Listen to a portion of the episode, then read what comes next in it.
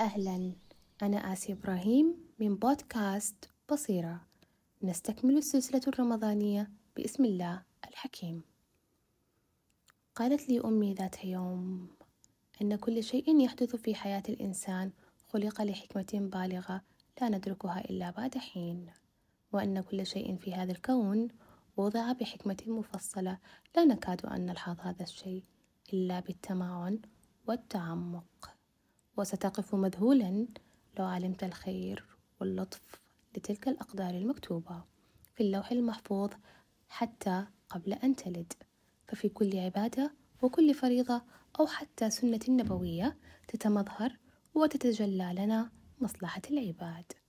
وإذا تأملنا في الحكمة من مشروعية صيام شهر رمضان على سبيل المثال وقد ذكر الله تعالى الحكمة من مشروعيته وفرضه علينا في قوله يا أيها الذين آمنوا كتب عليكم الصيام كما كتب على الذين من قبلكم لعلكم تتقون.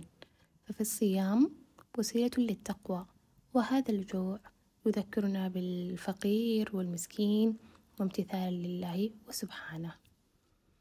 أن الله الحكيم لن يشرع حكما من الأحكام إلا وفيه حكمة وأسرار عظيمة قد نعلمها وقد لا نعلمها. ولنا في اسم الله الحكيم مواساة. لو كشف لنا الغيب لذاب. ورق قلبك من فرط الحب. ويعلم أجل الأشياء بأجل العلوم. كيف لا؟ وهو الحكيم العليم.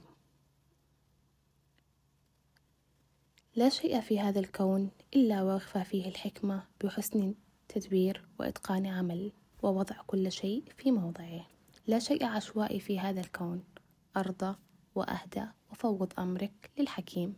كانت معكم آسيا إبراهيم من بودكاست بصيرة.